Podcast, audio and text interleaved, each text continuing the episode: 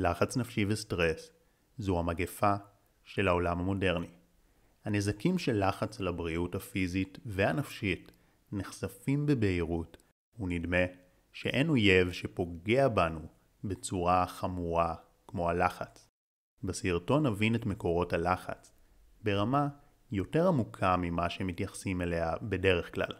נתחיל מהדברים על פני השטח ונרד עד לגורם השורשי שמשותף לכל סוגי הלחץ. ברגע שתבינו את הגורמים והנסיבות העמוקים, יהיה לכם הרבה יותר כלים לאיך להתמודד עם לחצים בצורה יעילה.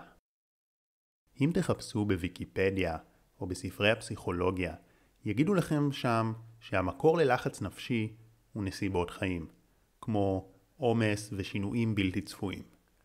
אנחנו בהחלט יכולים להזדהות עם ההגדרה הזאת, שהרי כולנו היינו במצבים בהם היה לנו יותר משימות ממה שהיינו יכולים להספיק. אנשים רבים מוצאים את עצמם מתחייבים לעוד פרויקט בעבודה, בזמן שיש גם מטלות בית, ילדים, משפחה, זוגיות, סידורים, וכשאנשים מגיעים למצב בו הם לא יכולים עוד להתמודד עם העומס, הם קורסים וחשים לחץ. בשורה התחתונה, קל לנו להסכים שעומס הוא גורם מרכזי ללחץ נפשי. הבעיה היא שלהבין זאת לא מאוד עוזר לנו, כי רובנו לא נעזוב הכל ונלך למדוד על ארבע הימאליה. אמנם אנחנו יכולים לשים לב מתי הגזמנו וצריך לנוח, אבל בסך הכל אנחנו אוהבים את אורח החיים המלא בעשייה ובהקשרים חברתיים. מעבר לכך, נסיבות חיים לא כוללות רק עומס, אלא גם שינויים פתאומיים ולא רצויים שפשוט נכפים עלינו, כמו בעיית בריאות שהתגלתה, תאונה, פיטורין, דחייה חברתית, מגפה עולמית שמתפרצת, רעידת אדמה וכל סוג של טראומה אישית או קולקטיבית. אם עומס הוא עוד איכשהו עניין של בחירה, אז משינויים ובעיות בלתי צפויים, איש אינו יכול להתחמק, הם פשוט חלק מהחיים על כדור הארץ. אז האם נגזר עלינו לחיות חיים מלאי לחץ? במידה ונאמין שלחץ נגרם על ידי נסיבות חיצוניות, אז כנראה שאכן נגזר עלינו לחיות כך. אבל למזלנו, זה לא יכול להיות הגורם השורשי והעמוק ללחץ. כי הרי יש אנשים שעברו חיים קשים ועדיין שומרים על שלוות נפש. ולעומתם, יש כאלו שכלפי חוץ, נסיבות חייהם נהדרות, מצבם הכלכלי יציב, ועדיין הם לחוצים. מעבר לכך, אנחנו רואים שבתקופת משבר, יש אנשים שמתמודדים היטב, ויש כאלו שנלחצים.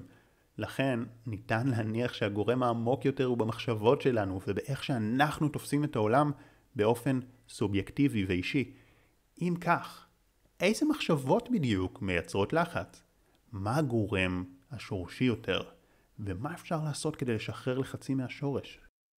אז כשמחפשים את המחנה המשותף, לכל אותן סיבות חיצוניות מעוררות לחץ, מגלים שבכולן ישנו אלמנט של חוסר ודאות ושל איבוד שליטה. אם אנחנו עמוסים, אבל יש לנו ודאות שנשתלט על העומס, לא נלחץ. לחץ נפשי מתעורר כאשר אנחנו מרגישים שיש פער בין הציפיות והתוכניות שלנו לבין המציאות, ואין לנו ודאות אם נוכל לצמצם את הפער. לדוגמה, אם אדם מאבד את עבודתו אבל יודע בוודאות שימצא עבודה טובה יותר, אין לחץ. אם אדם חווה בעיית בריאות ששומטת לו את הקרקע מתחת לרגליים, אבל הרופאים מבטיחים לו ב-100% שיש טיפול מצוין ושתוך כמה ימים הכל נגמר, אז הוא יישאר שלב. הלחץ מתעורר כשיש חוסר ודאות לגבי העתיד. דוגמה נוספת, בזמן כתיבת המאמר היה משבר עולמי שבו התפשטה מגפה בכל רחבי תבל. כלכלות קורסות, אנשים נמצאים בסגר ואין פתרון רפואי נראה לעין. אדם שפוטר מעבודתו לא יודע כמה זמן יישאר מובטל, ואנשים מפחדים לחטוף את הנגיף כי הרי ידוע שאין טיפול יעיל, ואם יכלו, כל המדע שבעולם לא יוכל לעזור להם. זהו מצב של חוסר ודאות קיצוני שמעורר לחץ גדול. לכן לא פלא שבתקופה הזו של הסגר הראשון במיוחד קיבלתי כמויות גדולות מאוד מאנשים שמבקשים שיעזור להם עם חרדות והתקפי חרדה. זה לא בגלל הסכנה הממשית כמו חוסר הוודאות שהייתה לגבי המצב. עכשיו מאמין שבזמן שאתם שומעים את הסרטון כבר קל יותר להסכים עם מה שאני אומר. אבל בתקופת הסגר הראשון שזה היה בלאגן אדיר, היה לאנשים מאוד קשה לקבל זאת. אני זוכר שגם שמעתי ראיון בתחילת המגפה עם רופא בכיר שאמר שלמרות כל העומס והמראות הקשים בבתי חולים, אילו היו נותנים להם תאריך סיום לכל מה שמתרחש, אפילו אם זה היה תאריך רחוק, זה כבר היה כל כך מרגיע את המערכת, כי מה שמשגע יותר מכל, זהו חוסר הוודאות. אוקיי, שחר, הבנתי שלחץ נובע מחוסר ודאות, אבל מה עושים עם המידע הזה? וחוץ מזה, אמרת שיש מחשבה מסוימת שהיא זו שמייצרת את הלחץ. מהי המחשבה הזאת? עכשיו נספק את התשובות, והן דורשות תהליך של שני שלבים. השלב הראשון הוא להכיר בכך ששליטה היא אשליה. אמנם היא מרגישה לנו אמיתית, הרי אנחנו בוחרים מתי להזיז את הגוף ומתי להניע את הידיים. אנחנו חשים ודאות מסוימת במערכות יחסים. יש לנו השקעות, ביטוחים ותוכניות פיננסיות לעתיד. אנחנו בטוחים שנוכל לפתוח את הסמארטפון גם מחר ולצפות בסרטוני יוטיוב. אבל כל אחד מהדברים האלה יכול להשתנות ברגע, ולהילקח מאיתנו באכזריות משלל רחב של סיבות, וזו עובדה קיומית. אמנם בזמנים מסוימים, כמו משבר עולמי או אישי, חוסר השליטה יותר בפוקוס שלנו, ואנחנו מודעים אליו. אבל עלינו להבין שהעובדה הזו נוכחת כל הזמן, כל יום וכל דקה. היום הפתיע אותנו וירוס, מחר זאת תהיה רעידת אדמה, מחרתיים מלחמה, ובין לבין כל אחד יפגוש את המשברים האישיים שלו, הגדולים וגם הקטנים והיומיומיים. צר לי אם אני מפחיד ונשמע כנביא זעם, אבל זו המציאות, ואם נתעלם ממנה, זה יהיה כמו לשים פלסטר או כיסוי עיניים. זה לא פתרון עמוק ללחץ, כי במוקדם או במאוחר, אשליית השליטה תתמוטט כמו מגדל קלפים, וזה הנקודות שנכנסים התקפי חרדה וחרדות גדולות. אז מה כן עושים? אחרי שעשינו את השלב הראשון שהוא להכיר באשליית השליטה, מגיע השלב השני. ופה החוכמה היא להבין שבעצם מה שמייצר את הלחץ זה לא העובדה הקיומית של חוסר השליטה, כמו הצורך שלנו לשלוט והרצון שלנו לכוון את החיים לתוצאה ספציפית. ניסוי מחשבתי. דמיינו מצב שבו אתם מטילים קובייה וכל אחד מששת המספרים האפשריים מזכה אתכם בחופשה חלומית ביעד אקזוטי. במקרה כזה, לא הייתה לכם שום בעיה עם זה שבהטלת קובייה יש חוסר ודאות. אולי זה היה אפילו מרגש אתכם ומרגיש כמו הפתעה. אבל אם הייתי אומר לכם שאתם חייבים שיצא לכם המספר 6 כדי לזכות בחופשה, עכשיו אתם רוצים תוצאה ספציפית. וזה מה שמכניס את אלמנט הלחץ. לכן הדרך העמוקה והשורשית להפחית לחצים היא מה שנקרא לשחרר אחיזה בתוצאה. עכשיו אני יודע שזה נשמע קצת פילוסופי עד כאן, אבל עד סוף הסרטון זה יהיה מאוד מאוד פרקטי. אז בואו נדבר על אחיזה בתוצאה. חשוב להדגיש שלשחרר אחיזה לא אומר לשחרר העדפה לתוצאות מסוימות, וגם לא אומר לשחרר את העשייה. זה מצוין שאנחנו רוצים לשמור על הבריאות והרכוש שלנו ולדאוג למשפחה, וראוי שנעשה מה שניתן כדי לממש את הרצון שלנו. אבל אחרי שעשינו את הטוב ביותר שיכולנו, עכשיו החוכמה היא לשחרר. מתוך הבנה שלא משנה כמה נרצה וכמה ניאבק, אין לנו באמת שליטה.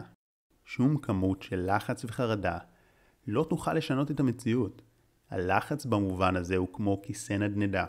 הוא גורם לנו להרגיש בתנועה, אבל בפועל אנחנו נשארים במקום. למעשה, אם אנחנו רוצים יותר מדי ונאחזים בתוצאה מסוימת, זה רק ירחיק אותנו מהתוצאה הרצויה, כי הלחץ פוגע בביצועים. מצבים חברתיים ממחישים זאת נפלא.